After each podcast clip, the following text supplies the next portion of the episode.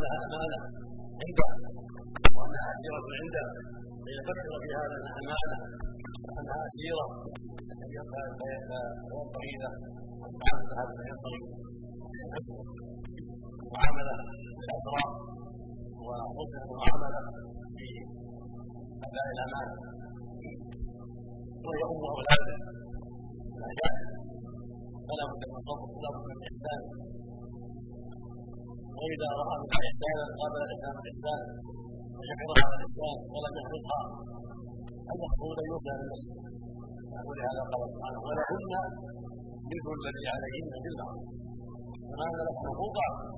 وهي كذلك حقوق يعني بعض الازواج سوء خلق يرى يقوم كل شيء. ولا يقوم كل شيء. بها.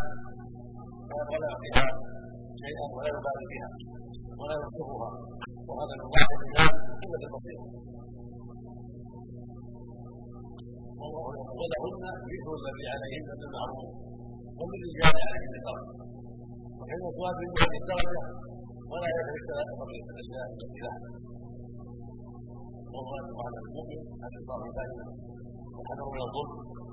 والله يقول جل وعلا من يوم منكم يضيق عذابا كبيرا ومن كان له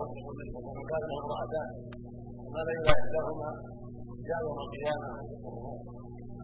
المقصود ان الواجب العدل والانصاف على وعلى احياء أيضا رشد وان تعدل وان تتقي الله وان تعرف حق زوجها وان تبادر إلى ادائه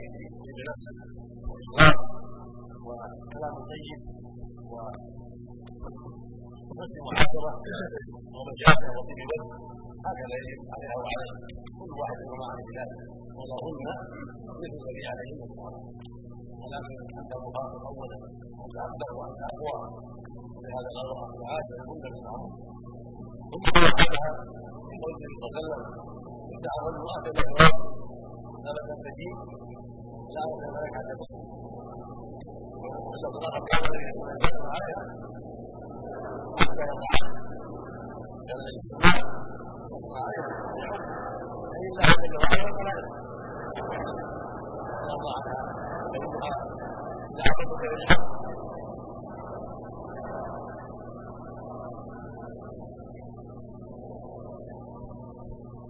ومما ينبغي التنبيه عليه ثبت عليه من الشخصات الأمر مما يتعلق بخروجها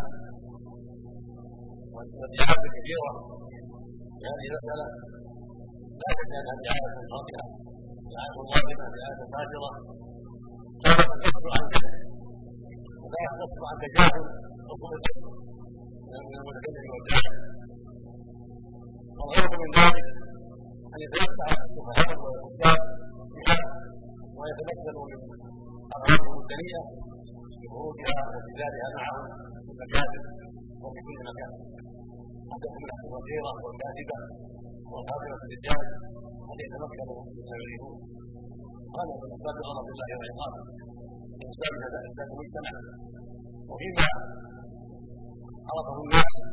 من المجتمعات المجاوره ما يكفي من العظه والذكرى والحذر من هذا الفساد والدعوه اليه فانظر على ميدان حرة له ميدان بين المرأة في عمل النساء في تعليم النساء في تمريض النساء في تقييم النساء في ميدان في ميدان الرجال وعمل الرجال. وإذا خلقوا جميعا جاء الفساد وجاء البلاء وضربت المحارم وتعطلت البيوت وتعطل الأولاد. وليس كل متعلم له إلا عمل تعلم فوق البيت تعلم وإذا متربى على بصيرة وتعلم أولادها وتربيهم يحصل لها عمل يحصل لها في ميدانها المناسب فلا بأس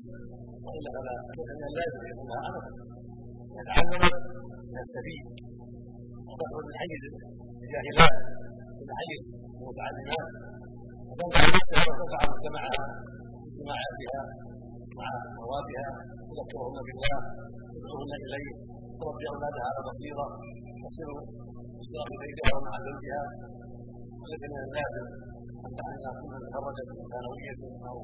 دراسه عليا وكلها عمل بين الرجال.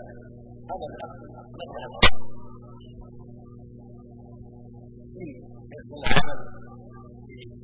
محيط يناسبها الحمد لله. وإلا فليس من اللازم ان يكون عمل. امرها البيت مهم وتعطيل الاولاد وان تربيها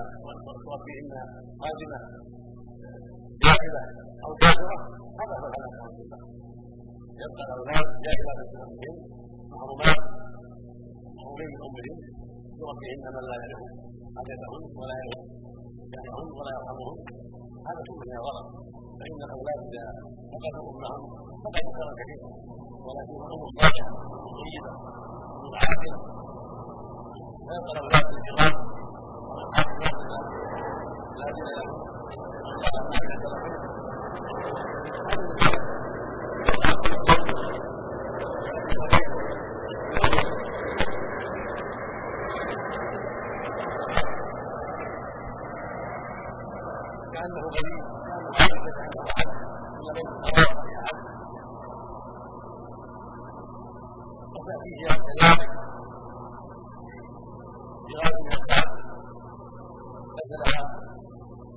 الحمد لله تنام وان تعطل كل شيء بساعاتها وعملها المقصود ان هذه الرعايه الغالبه قليله لا وجه لها بل اذا دعت الحاجة إلى عملها ما تعمل في محيطها ولا باس بذلك وعليهما جميع يتعاون الزوج الزوج والزوجه والاولاد عليه يتعاون إلى الخير وبالاصلاح وبعماره بيت الخير. وعليه تعظيم اما استعمل بين الرجال وفي محيط الرجال فقيره أو كاتبه أو مجرد كل الرجال أو معامله الرجال. كل هذا معناه هلاك معناه فساد المجتمع ومعناه اختلاطه وهو بعد ذلك بين نسأل الله نسال الله ان يصلح احوال المسلمين وان يثبت دعاء وان يرد من الصواب ان كانوا جاهلين وأن يهديهم من كانوا ضالين وأن يوفق ولاة الأمور لما فيه الخير وأن يدخلنا فيه صلاحهم ونجاتها وسعادتها وهنا أيضا مساله الله يسلم عليها. ذكرها في بعض الصور وهي أن كثيرا من الشباب وأنتم تطلعون ذلك تحضرون ذلك يكون من الشباب يلبسون لباسا رقيقا مبدع بالعقاب هذا هو لا أيضا واذا كان هذا منكرا في شباب الذكور فللاناث اولى واولى من العقاب الواجب على الشباب وعلى غير الشباب على الرجل ان يلبس اللباس السائل العوره هذا الخطيب يجب على الرجل ان يلبس اللباس السائل والعوره بين السره والركبه يستر عورته قليلا وكان الغرة لباس ساتر السماويل والأذن والرؤوس صديقة ساترة لا يرى منها لون البشر ولا تحسن النظر إليها تكون ساترة لا يكون منها شيء البشرة مغطاة مكسورة وهي أيضا في سعة لا يكون ضيقا يجمع حجم العورة ويكون العورة ويضر النظر إليها ويحسنه بل يكون فيه من السعه والصلاه والقوه والمتانه فيستر العوره ويبعد فتنه وهكذا المرأة من باب أولى ان تكون لابسة لباسا ساترا حتى ولو كانت مع النساء. عورتها يجب أن تستر مع النساء. ولا يسره عورة النساء بينهن كلا فيما بينهن. وإذا سترت ما فوق ذلك حتى النساء بقيه جسمها وفيها وظهرها وإيقانها كان ذلك أيضا خيرا لها. وبعد لها من الشر والفتنه فلا نساء اما بعد الرجال فلا نقبح المنكرات يجب ان تكون مسؤوله عن الانسان جميع الوجوه. ما هو غداء ويذكر غير ذلك مستوره محجبه بين الرجال. باشياء ساطره رفيقة ساطره غير منها ما وراءها هذا جعل المرأة مطلقة ومع النساء في عوراتها وبين النساء ومع الرجل في عورته وإذا ستر ما فوق ذلك لأن قد يكون أيضا مع الشباب قد فينبغي ان يكون على حذر من العورات وإذا ستر مع ذلك صدره وظهره قليلا أو قميص وساق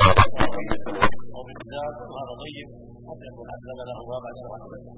والله المستعان ولا حول ولا قوه الا بالله ونسال الله يوفق الجميع للعلم النافع والعمل الصالح وان هذا الجميع وان يعيننا جميعا من شرور انفسنا ومن سيئات اعمالنا صلى الله وسلم. على نبينا محمد وعلى اله وصحبه